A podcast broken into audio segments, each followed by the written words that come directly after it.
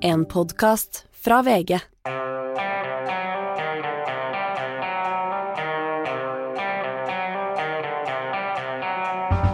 Ikke visste jeg at alle disse dagene som kom og gikk, eh, de var ikke bare uke 31, men det var altså hele denne sommerserien som vi har eh, hatt i Gjever og gjengen her i sommer, hvor eh, politiske redaktører fra alle de store avisene utafor Oslo har vært og fortalt om hva valgkampen kommer til å dreie seg om i deres distrikt. Det er litt gøy å kunne avslutte denne serien med et besøk av vår gamle venn og kollega Eirik Mosven fra Avisa Oslo, som før han kom dit jobbet et kvart århundre her i eh, VG, og har stått bak noen av de aller største politiske avsløringene eh, VG har hatt i, løpet av den tiden. Eh, men to ting før vi slipper ham til. For det første må vi si at dette intervjuet ble gjort i opptak i juni. Det var før en viss mann snodde et par solbriller på Gardermoen, så han omtales i dette intervjuet fortsatt som leder for Rødt, uten at jeg har noe, går noe utover analysen som sådan.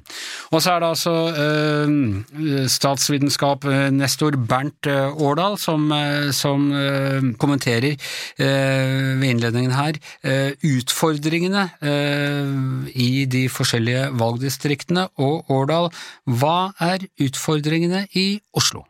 Ja, det er egentlig et paradoks her, eh, fordi at man har gjort noen undersøkelser som tyder på at, de har velgerne med seg. Men problemet er jo bare at hvis vi ser på oppslutningen ved valgene, for Arbeiderpartiets vedkommende, så viste jo den siste målingen 15,7. Eh, I 2015, da de overtok makten, så var de på 32. Og de var allerede ja, og de var nede på 20% i 2019. Så, og det er noe som vi ser også i andre by, storbyer, at selv om de vant byrådsmakten og, og for så vidt ordførerposisjonene, så, så var ikke det nødvendigvis ut fra egen styrke. Det var også det at man klarte å bygge koalisjoner sammen med andre partier. Så det har vært vel så mye de andre partiene som har hjulpet dem til makten. Er det de samme problemene man ser i alle storbyene, eller er det noe som er unikt for Oslo?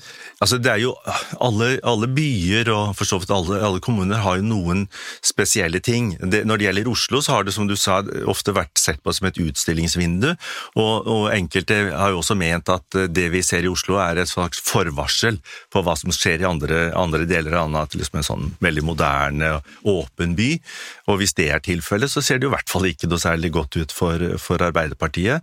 Eh, det er nok en del storbyproblemer som kanskje er ekstra påkrevende i Oslo, og det er klart at det man også har sett i Oslo etter med dette rød-grønne byrådet, er jo at en del av de klima- og miljøtiltakene som man har satt ikke bare har vært Eh, populær i enkelte grupper, men det har vært svært upopulær i andre grupper, og kanskje også i en del av de mer tradisjonelle arbeiderpartivelgerne, så har ikke dette liksom vært slått helt an. Mer populært i sentrum enn i Groruddalen? Ja, og det kanskje også i en deler av gamlebyen enn i mm. andre deler av østkanten osv. Så, videre. mm. så Så det er nok, vi ser nok et, eh, at, at, det der, og i det hele tatt så, så ser vi også at klimaspørsmålet, som man trodde liksom hadde fått en sånn omdreining ved at Miljøpartiet De Grønne kom inn på Stortinget og kom i posisjoner rundt omkring, at dette var et forvarsel om at nå, kunne, nå kom politikken i stor grad til å handle bare om Eller at klima endelig ville bli et overordnet hensyn.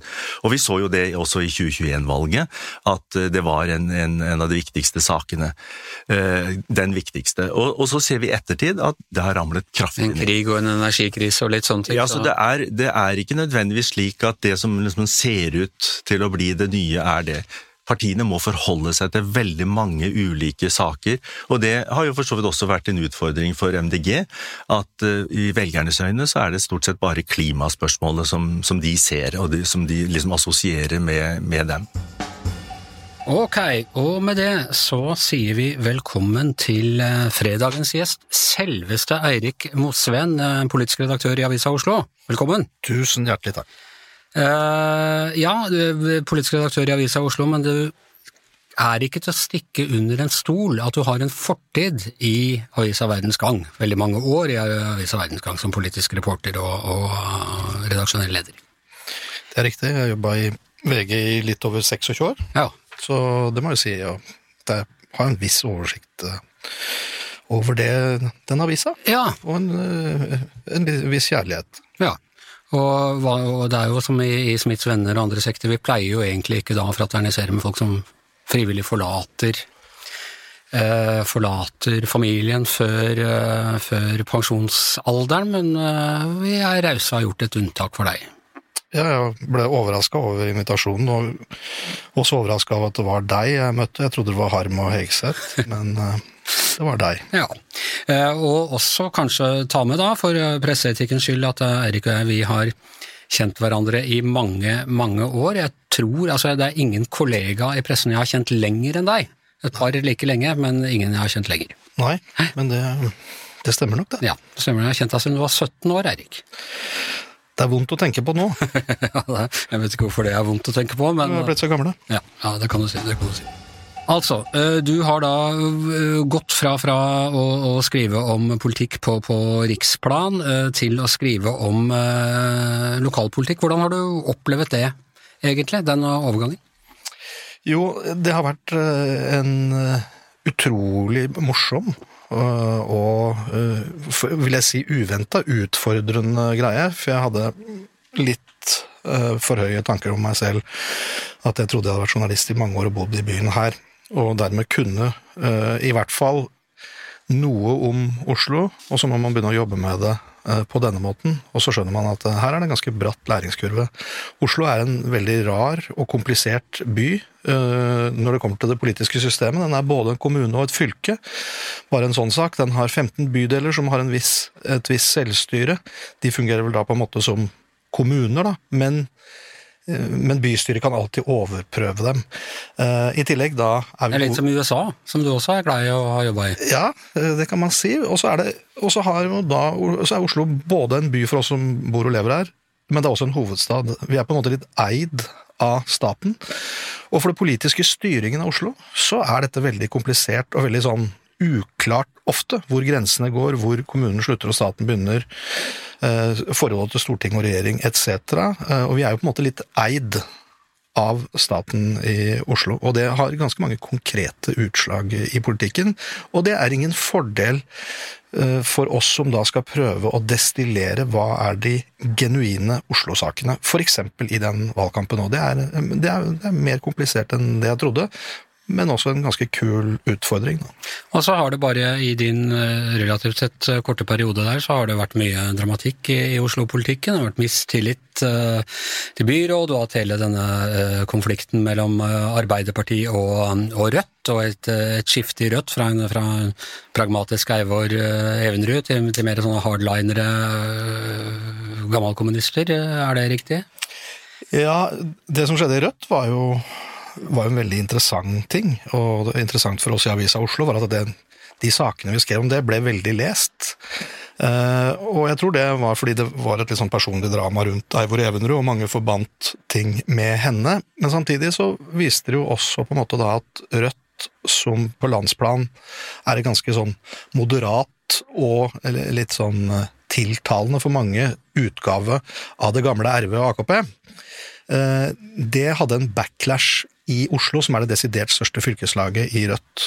Eh, Selv om det er her både Bjørnar Moxnes, som er partileder, nå sitter på Stortinget, er fra, så tok på mange måter eh, museumsvokterne over eh, Oslo Rødt idet Eivor Evenrud stakk, og, og de sitter med ganske betydelig makt der nå. Så Bjørnar Moxnes, i den grad han har søvnløse netter, så er det sikkert mye på grunn av Rødt i Oslo og hva som kan komme fra dem. Men har ikke veldig mange av eh, partier opplevd det, altså at hovedstaden går sine egne veier? Jeg tenker på type Fremskrittspartiet, da, altså, som er, eh, har gjort det bra på riksplan og, og klart å bli mindre og mindre og mindre på lokalplanet i Oslo? Ja, Fremskrittspartiets historie i Oslo er jo veldig spesiell på mange måter, fordi det var her partiet oppsto på 70-tallet, og det var her de ble representert på Stortinget de første gangene, og det var her de gjorde sine aller beste valg på 80- og 90-tallet. Og så gradvis eh, utover 2000-tallet så har det gått nedover, og fra 2011, da ble, ved det valget ble partiet halvert ganske nøyaktig, ned til 7,7% Så fra 2011 nå og til nå, så har de vært en total ubetydelighet politisk i Oslo. Det var ikke tilfellet fram til det i, flere tiår. Og det er en, et helt utrolig spesielt politisk sammenbrudd og fall. og Så vidt jeg husker på siste meningsmåling i VG, så lå de på 3,5% eller der omkring. Og de eh, klarte å pådra seg noen nye problemer med innspurten til denne valgkampen også? Ja, de mm, nominerte jo eh, i november i fjor allerede Lars Petter Solås som førstekandidat, og han skulle på en måte være den som skulle snu dette. Han var liksom den moderate, mer liberale. Mer ja, litt sånn nasjonalkonservative Ja, de hadde, jo, de hadde jo ekskludert en bråte folk som var typisk på uh, langt, langt ute på høyresiden, mens da han Solås skulle på en måte være mer en sånn Ketil Solvik-Olsen, Siv Jensen-variant. Og så uh, hadde han en uheldig episode under FrPs landsmøte i mai, eh, og det førte til at han ble ekskludert, og at han da prøvde å komme seg ut av denne lista, for han har jo førsteplassen. Og det fikk han medhold eh, av et samlet valgstyre i Oslo, tverrpolitisk sammensatt, leda av Marianne Borgen fra SV. Men eh, så det, kom det inn to klager til Kommunaldepartementet, og Kommunaldepartementet avgjorde at nei, du må stå øverst på lista, og der står den, og det er ingen ankemuligheter. Eh, hvem er de som har klaga, vet du det? Hæ? Vet dere hvem som har klaga? Ja, ja. Det er en høyrepolitiker fra Gamle Oslo som sitter i bydelsutvalget for eh, Høyre der. Og så er det mm, Magnus Forsberg, eh, den uh, halvkjente tvitrer. Så Men det litt artige med det er at hvis ingen hadde sendt inn klage, så er det ingenting som tyder på at ikke vedtaket fra valgstyret hadde blitt stående, og da hadde han vært ute av lista. Så litt det artige nå syns Eller artig vet jeg ikke om det er, det kan være en, eh, ikke så veldig bra for demokratiet, men la oss si at noen nå finner ut at man kan ofre en slenger eller to litt rundt omkring i det politiske spekteret. På Solås, om ikke annet for å spille Frp et pek her i byen, eh, så kan jo han bli folkevalgt. Han kan bli den som får flest stemmer, personstemmer, i, i, for, for, Frp i Oslo. Ja, og det er, da blir det litt vanskeligere å opprettholde, eller å, å ta tilbake den rollen som at det finnes et moderat Frp i hovedstaden. Ja, øh, jeg, ja det blir vanskelig nå Altså Ikke på, ikke på grunn av Solås i seg selv, men, men alt spillet rundt det? Ja, nå er han som da på en måte blir deres frontfigur, da, som er andrekandidaten, Magnus, Magnus Birkelund, eh, han er jo også veldig klart på den fløyen der, kan du si, da. Den Solvik-Olsen-fløyen. Mer sånn liberalistisk. Eh, litt sånn de, de som måtte forlate Frp på Bolkesjø-type folk i, i 94. Eh, sånn at det Han er for så vidt en viderefører av det, men han er det jo om mulig enda færre som vet hvem er, enn Solås. Solås var det i hvert fall noen, en håndfull utenfor hans nærmeste familie som kunne gjøre rede for. Han ble det minste kjent gjennom denne skandalen? Da, han, da, da, ble han veldig kjent. Ja. Du, eh, så er også Oslo stedet hvor altså MDG har jo fått makt og innflytelse mange steder, men det er kanskje aller mest i Oslo, hvor de da gikk inn i et byrådssamarbeid med, med Arbeiderpartiet for, uh, allerede for åtte år siden, og har vist en vilje til makt som jeg tror kanskje få tiltrodde dem. Tenkte at nå kommer det en gjeng med litt sånn SV-aktige pratemakere, men de har, eh, de har styrt eh, denne hovedstaden og miljø- og klimapolitikken her som om de var hadde mer enn et folkevalgsmandat, for å si det litt forsiktig. Ja. Nei, um, det ble litt artig, vi lagde en reportasje før Eh, stortingsvalget for to år siden om, om, MDG, hvor de gikk gjennom hvordan det var å sitte på disse byrådsforhandlingene på, oppe i, i eh, Østmarka. Eh, etter at de hadde vunnet valget i 2015 sammen med Arbeiderpartiet og SV. Og de trodde jo ikke noe på at det ble noe byråd. Og de trodde heller ikke at noen av disse samarbeidspartnerne egentlig som har vært med i politikken i 100 år, egentlig var noe til å stole på. Eh, og så oppdaga de jo da at de fikk jo gjennomslag i, i, dette, eh, i dette dokumentet de da la fram og skulle styre på. Og til deres store overraskelse når de kom eh, inn i det de trodde var et, et byråkrati som ville motarbeide dem, så satte det byråkratiet umiddelbart etter vedtakene var fatta, i gang å bygge sykkelstier og alt mulig sånt, og det tror jeg gjorde et enormt inntrykk på MDG. ja. Eller jeg vet de gjorde det, for de sier det rett ut.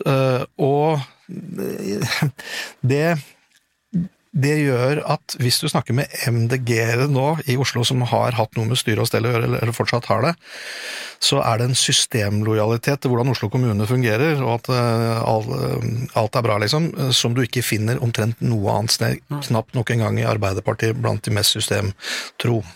Og Vi husker jo altså uh, Lan Marie Berg fra, fra, MDG. altså Vi har snakket om Frp og, og Rødt her, vanligvis ganske polariserende partier.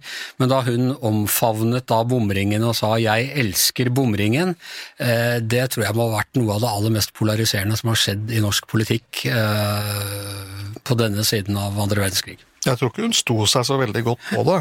Men jeg tror kanskje hun syntes det var ålreit. Men jeg tror at MDG lenge opplevde at de tjente veldig på å være veldig konfliktorienterte og veldig eh, polariserende. Og jeg tror det er noe av problemet til MDG nå. Eh, det er at eh, nå har de sittet lenge med makten, og da er det ikke like stilig med denne krangelvorenheten hele tiden. Og det tror jeg er en av, en av grunnene til at MDG har ganske svake målinger relativt sett, hvis du sammenligner med 2019-valget, hvor de fikk 15,3 mm. Eh, sensasjonelt valg. Eh, det som har skjedd nå de siste månedene, kanskje bare siste halve året, er at det hele tiden tilsynelatende går nedover for MDG. For rød-grønn side så virker det som veldig mye av dette oppveies av at SV gjør det veldig bra. Uten at Og det kunne jeg til en viss grad for så SV gjorde et veldig, veldig bra uh, stortingsvalg i Oslo i 2021. De hadde en, uh, Kari Elisabeth Kaski, en sterk førstekandidat, som var veldig profilert. Men jeg kan ikke helt forstå at det har skjedd noe de siste to årene som forsvarer at SV nå ligger på 13-14% på målingen i Oslo, som er basically det nivået. De har nesten bytta plass oppslutningsmessig med MDG. Vet ikke om det holder inn til, om det blir sånn på valgdagen, men, men det er en litt rar greie at, øh, at, uten at det er noen spesiell foranledning, som jeg kan se i hvert fall, så virker det som de to har bytta plass og rolle. Ja. Hva tenker du er, blir de viktigste sakene? Altså, dette er øh, Oslo, nok en Arbeiderpartistyrt by som de risikerer å miste nå etter, øh, etter to år med, med, regjering øh, med Senterpartiet. Hva tenker du er de viktigste sakene i denne valgkampen for Oslo? Jeg tror altså i de to og et halvt årene jeg jobba i Avisa Oslo, så har det slått meg at selv om det har vært en del større politiske saker om masse krangel og, og, og tull og tøys og litt skandaler og sånn, så er det veldig lite som har gitt betydelig utslag på meningsmålingene.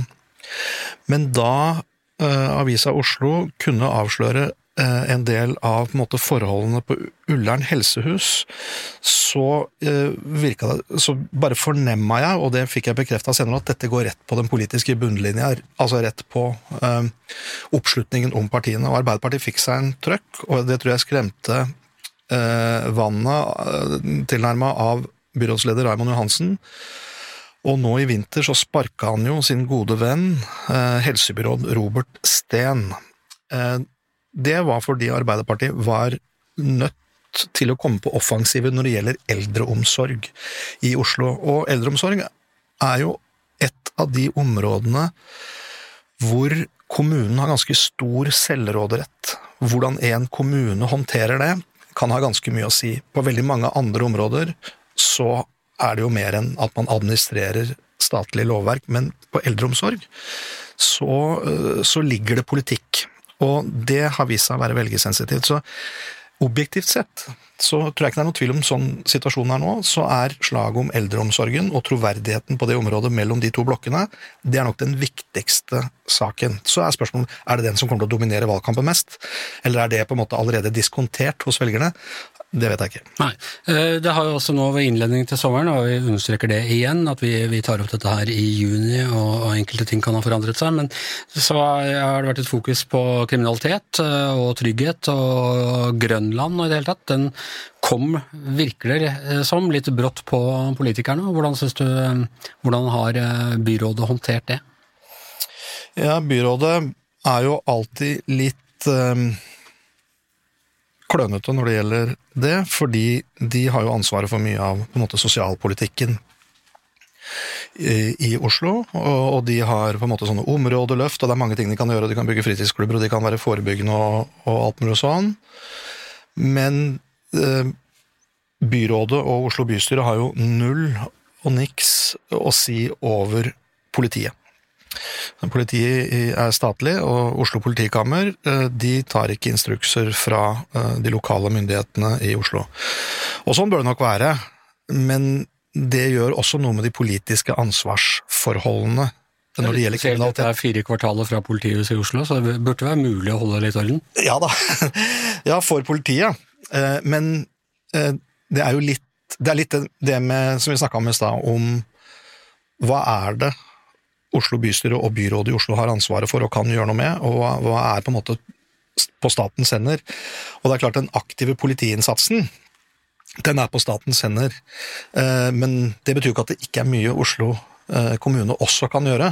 Og for Grønland-området så er det klart at da må man jo stille spørsmålet om hvorfor Det er en del av de byutviklingsprosjektene der som, eh, hvor det ikke har gått veldig kjapt for, for dette byrådet.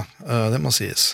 Ja, ikke gått kjapt, altså Nei, man kan jo man kunne sett for seg reguleringer, nå er jo staten en rolle der også, da, men det er jo veldig mye det området som er på en måte under og rundt trafikkmaskina eh, der, hvor veldig mye av den kriminelle aktiviteten foregår. Og jeg passerer der eh, to ganger per dag, minimum. Og det er jo ikke på en måte eh, alltid helt optimale omstendigheter der.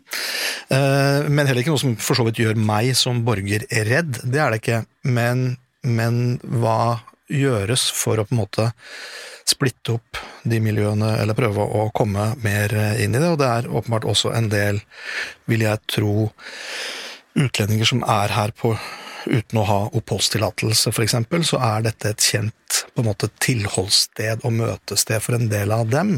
Og de vet man jo ofte ikke hvem er. Du, Dette er jo ofte en diskusjon, og ikke minst for folk som ikke bor i Oslo, men det er hvorvidt er Oslo en trygg by? eller en eh, utrygg by. Hva er din oppfatning av det? Nei, Oslo er jo åpenbart en er jo åpenbart en, alt i alt en trygg by. Det er klart de fleste slåsskamper, skyteepisoder, den type ting, er jo ikke noe som involverer folk som ikke er en del av de miljøene som er i konflikt med hverandre. Hvis du hadde tatt vekk alt det, så er det ikke mange på en måte sivile, kan du si, da, som blir tratt Nei, inn i det. Internjustis blant de kriminelle. ja. Og sånn er det jo veldig, i veldig mange storbyer, da. Men eh, det er jo ikke så lenge siden jeg eh, var faktisk på forsiden av VG. Sammen med moren din? Sammen med moren min, hvor vi klarte å havne rett i skuddlinja midt på Tøyen torg. Og det var jo en spesiell opplevelse, for å si det svært forsiktig. Og da Eh, men samtidig så var det sånn Jeg har prøvd å ta det med moren min også, liksom. Hvor redde ble vi egentlig mm. av dette? Eh, jeg har ikke tenkt noe særlig på det når jeg går over Tøyen etterpå. Jeg har ikke tenkt at jeg kommer til å havne i den situasjonen igjen, eller at dette er eh, Men, men det var jo spesielt, for at den personen skjøt en person nesten dødelig en halv meter fra der vi sto, ja. idet han passerte oss. Samtidig så tror jeg liksom, Hva er grunnen til at vi på en måte ikke har blitt mer skremt enn ikke? Vi Moren din har også tatt dette Ja, hun har tatt det rolig, men jeg sier at det kan være for at du har begynt å bli så gammel. okay. Eh, så du skjønner ikke hva som skjedde. Men eh, Nei, men det var eh, samtidig en følelse av at vi ikke var målet for det. Mm. Ehm, hvis vi hadde følelsen at dette var en person som var ute av kontroll, og, som dret i hvem han uh, skada, så tror jeg nok vi ville uh, ha sovet mye dårligere om nettene og kanskje blitt mer uh, Og fått inntrykk av at det ikke var helt utypisk for Oslo. At ting på en måte kommer ut av kontroll. Men jeg hadde bestemt inntrykk av at vi var ikke målet for noe av dette. Bernt Årdal og jeg snakket jo litt om Oslo som utstillingsvindu, og på mange måter så har jo da eh, Raymond Johansen har jo da ledet et byrådssamarbeid med, både MDG og SV, og fram og tilbake, men de har nå da sittet eh, med makten i eh, åtte år. Eh, og hvor, hva gir du ham i terningkast, for å bruke din, en gammel skala, på, på hvordan han har gjort denne jobben? Nei, jeg vil jo si at han alt i alt har gjort en, en god jobb som byrådsleder, ja. Eh, Det vil jeg mene. Eh, Og det tror jeg også på en måte vises ganske godt gjennom de meningsmålingene som er, for de er jo, de er jo ganske rare på et punkt. Og det er at selv om Arbeiderpartiet gjør det veldig dårlig, hvis spørsmålet er hvem vil du ha som byrådsleder, så får han altså over 30 i hvert fall på den siste i Aftenposten, så vidt jeg husker, 32-33 Men, eh, og han har øh, 15-16% i oppslutning rundt sitt parti. Mens for Høyre, de får sånn 7-38 mens deres byrådslederkandidat Eirik Lahr Solberg han får 15 som ønsker han som byrådsleder. De burde bytte parti, de, på en eller annen måte. På en eller annen måte. Så det, men det jeg tror jeg kan ha noe å gjøre med at i Oslo så fremstår kanskje Raymond Johansen mer som en sånn rød-grønn leder. Det vil altså si at hvis du vil stemme Rødt eller MDG eller SV, eller for så vidt Arbeiderpartiet, så vil du uansett få Raymond Johansen som byrådsleder. Så han har blitt, Men det kan også være et problem, for hva er da poenget med å stemme på hans eget parti? Hvis han likevel er en slags, oppfattes som en slags sånn de facto-leder for alle partiene på venstre side. Du, Vi skal snakke litt mer om det mot slutten, med og riksplan og sånne ting, men jeg må også spørre deg om en, en annen sak som eh, du har eh, skrevet eh, interessant om.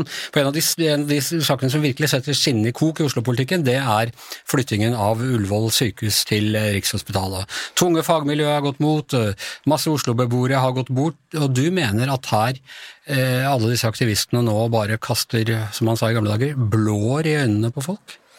Ja, og det har de gjort lenge. Uh, og uh, For meg er det litt uklart hvorfor, hva som er driverne her. Uh, jeg tror at veldig mange av de som er opptatt av dette, rett og slett ikke helt har fått med seg eller tatt inn over seg at det ble tatt en regjeringsbeslutning som hadde Stortingets støtte i 2016. Den det er ikke noe flertall som, det flertallet som sørga for at det skjedde, det har vært det samme hele tiden etterpå. Så på sju år så det ikke, er det ingenting som har flytta seg én millimeter i retning bevaring av Ullevål sykehus. Dette underslås overfor befolkningen, at det er sånn det henger sammen, og jeg tillot meg å påpeke det ganske klare ordelag. Um, og jeg synes det, jeg mener er representerer en slags demokratisk forurensning, som jeg kalte det, det er at ni av ti partier i Oslo uh, bystyre overfor velgerne later som om hvis man stemmer på en av dem, så kommer noe av dette til å forandre seg. Det, det er ikke sant, og det mener jeg er veldig uheldig. Og så er det i tillegg det at det er begrensa hvor stor oppmerksomhet, eller som jeg kaller det politisk oksygen, som fins på lokale spørsmål i en valgkamp som denne.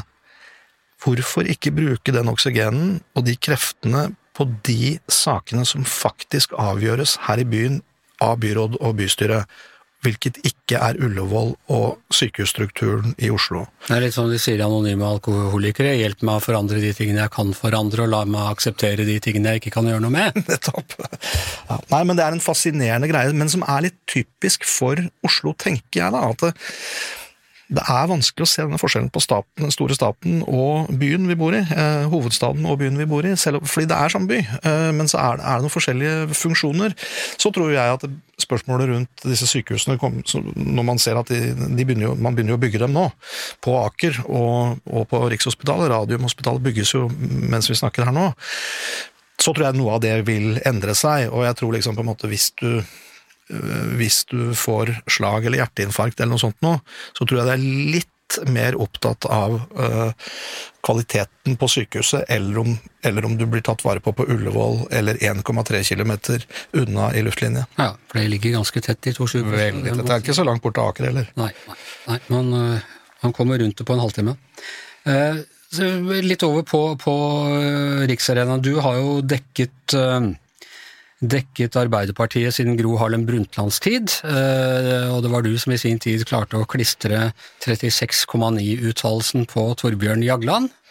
Eh, du har fulgt Jens Stoltenberg, og du har fulgt eh, Jonas Gahr Støre. Og hva tenker du er kjernen i Jonas Gahr Støres problemer?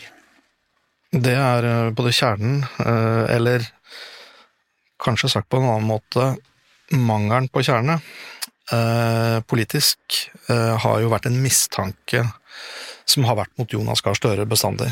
Jonas Gahr Støre så ikke noe grunn til å melde seg inn i Norske Arbeiderparti før han var 36 år gammel. Og da kan man, tenke, da kan man spørre seg på en eller annen måte hvor dypt stikker det? Eh, og ser han på seg sjøl i første rekke som en leder av Arbeiderpartiet og arbeiderbevegelsen i Norge, eller er han en slags på en måte person som er så dyktig og internasjonalt orientert at det er han som bør lede landet? Og jeg opplever at han fremstår som en veldig uklar leder av Arbeiderpartiet. Relativt uklar regjeringssjef også. Fikk en maksimalt elendig start, hvor han eh, dannet regjering bare sammen med Senterpartiet. Eh, eh, greide av forskjellige grunner ikke å få til en flertallsregjering, som var det han ba velgerne om, og som velgerne ga han. Og etter det så har på en måte regjeringen på en måte sett ut som det skjeve tårnet i Pisa, men ikke med vilje. Eh, at det er mer en arbeidsulykke, at det er skjevt. Men eh, samtidig som, som disse opplagte liksom, øh, Jonas Gahr Støre er en utrolig smart fyr, men, men, det er ikke alltid at det øh, er den største fordelen du kan ha i, i, politikken. Men han er populær i partiet. Det virker ikke som det er noe grasrotopphør. Dere skrev en del om, om, Helga Pedersen og sånne ting her i, her i vår, men i, i bunn og grunn så fisla det bort. Det virker som han har grepet på partiet. Han, han, har jo det, eh, i den forstand at eh, man ikke ser for seg noe eh, Man har ikke noen som man tror ville gjøre det bedre. Nei. Så jeg tror ikke nødvendig, jeg tror det er mer det enn at han har så veldig tak på partiet. For det tror jeg ikke han ville ha hvis han får dårligere nok resultater og, og, det, er, og det dukker opp noen som man tror kan bære partiet fram, så tror jeg ikke det er mye sentimentalitet for Jonas Gahr Støre i Arbeiderpartiet.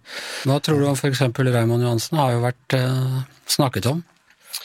Det tror jeg mer er en eh, Da måtte det skjedd eh, på et eller annet tidligere tidspunkt. Det er ikke noe snakk om en som ikke venta til han ble 36 med å melde seg inn i Arbeiderpartiet? Nei, der, nei, nei, men han drev og var litt i SV òg. Ja, det var noe ja, så han skifta litt. Men eh, nei, eh, jeg tror Da måtte det være fordi om det skulle bli en type sykdom eller et eller annet sånt, så kan, er det mulig å tenke seg at han kunne være en overgangsfigur.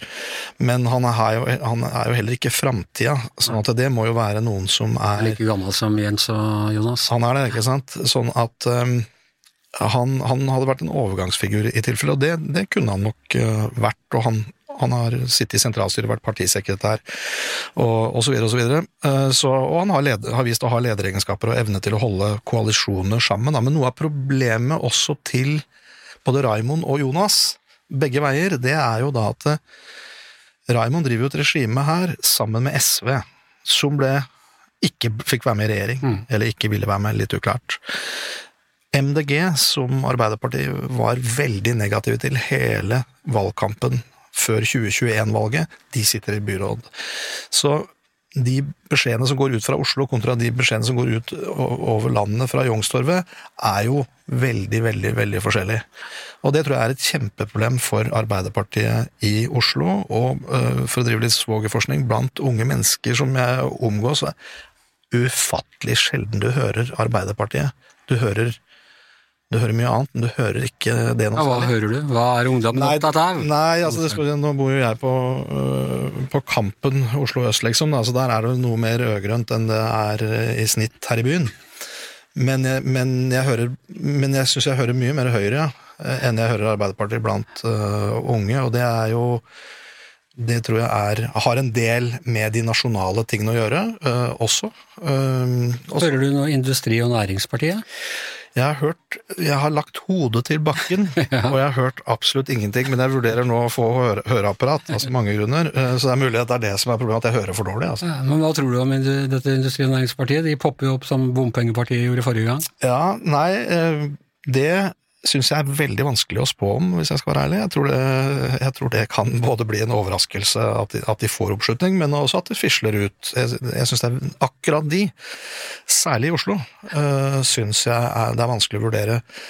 Uh, hadde man bodd i Stavanger eller Bergen eller sånn, så tror jeg det er kanskje lettere å, å, gjøre en god vurdering av det. Det er en interessant blanding av standpunkter, veldig næringsvennlig, men mot f.eks. EØS-avtalen. Det er jo en kuriøs uh... Ja, det er en, det er en veldig rar ting. Ja. Men, og det mangler ikke på det. De, de, de, de bygger jo på en måte på en litt sånn industri, norsk industrireisningsnostalgi, da. En litt sånn uh, Ja, og føle at liksom Industri-Norge er blitt snakket ned nå Ja. gjennom mange år, og Ja. det er der tross alt verdiene skapes, videre. der, tror jeg, der treffer man en nerve. Eh, eh, ikke, minst, eh, ikke, minst på Sør-Vestlandet, kanskje, da, og, og Vestlandet. Kanskje ikke så mye her, men der ligger det jo et eller annet på en måte Det er jo liksom moderne norsk historie, da. Én er jo industrireisingen, som var helt bevisst fra regjeringen, liksom, å plassere store verk liksom, rundt omkring, og mange av det eide man jo selv også. Men mye av det ble jo snakka ned og lagt ned helt uavhengig av klima og miljø og sånn. Det var jo av manglende lønnsomhet, veldig mye. Eh, Så det er jo oljeindustrien det egentlig handler om, og, og på en måte eh, supply-industri og de som er tilknytta oljeindustrien. Og det er klart, da det er ikke mulig å ikke se at de kan ha et lite poeng når man, man opplever at samfunnet har snakka ned det, til tross for at det er, det er en vesentlig grunn til at Norge er et eh, veldig rikt land.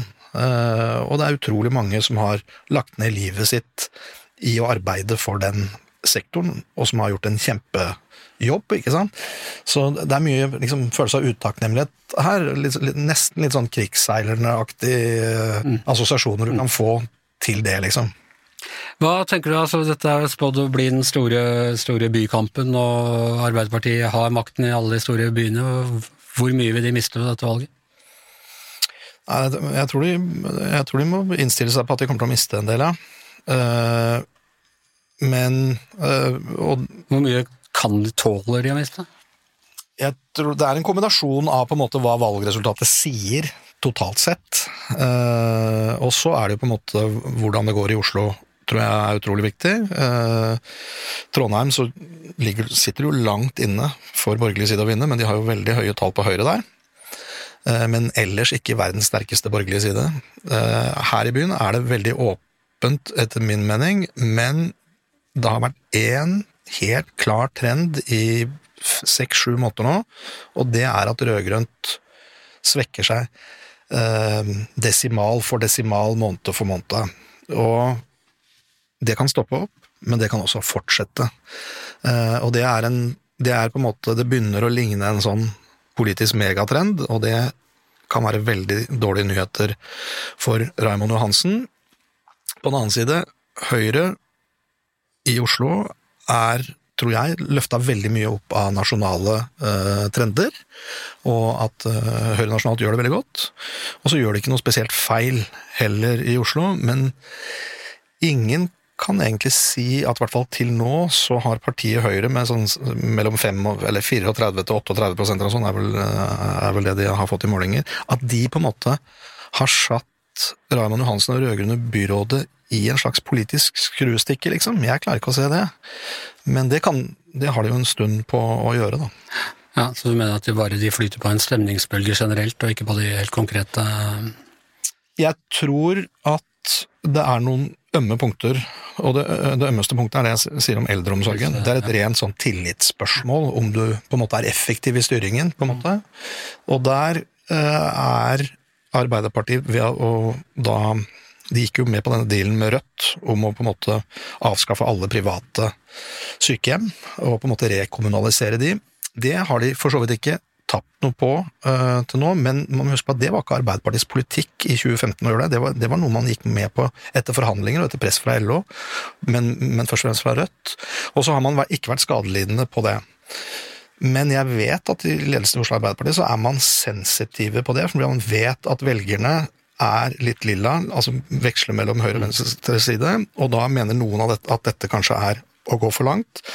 Så tror jeg en annen ting som kan komme opp som et ømt punkt for øh, særlig Arbeiderpartiet, øh, og det er skolepolitikken. Det vedtaket på landsmøtet til Arbeiderpartiet om at du ikke skulle ha fraværsgrense, f.eks. Denne mistanken om at det er eh, liksom på en måte SV-skolen eh, som på en måte skal gjennomføres i Oslo og allerede er gjennomført. Eh, det er, uansett hva man måtte mene om det er riktig eller galt, det inntrykket det eh, Hvis det har festa seg et sånt inntrykk, og SV har skolebyråden i Oslo, så er det noe Arbeiderpartiet Arbeiderpartiet Jeg vet at Arbeiderpartiet er nervøse for at det For det går rett inn i den lilla velgeren på en måte liksom ømme, ømme tær, da. Hva gjør Raymond Johansen hvis han blir kasta som byrådsleder? Da blir han vel eh, da blir han vel bystyremedlem, Ja. eh, tenker jeg. Jeg tror ikke han blir heltidspolitiker, Nei. så jeg tror han må prøve å komme seg ut på arbeidsmarkedet. Um, Han har jo en utdannelse å falle tilbake på. han er rørlegger, eh, så det er vel bare å ringe, tenker jeg. Ok, eh, tusen takk skal du ha, Eirik Mosveen. Eh, og gjengen over for denne uka. Jeg heter Anders Gjever, og mannen som eh, Har du noe å falle tilbake på, Magne, hvis eh, vi skulle ta på dette valget? Nei, han har ikke det, så fortsett å høre på Gjever og gjengen. Hold Magne i arbeid. Vi høres i uka.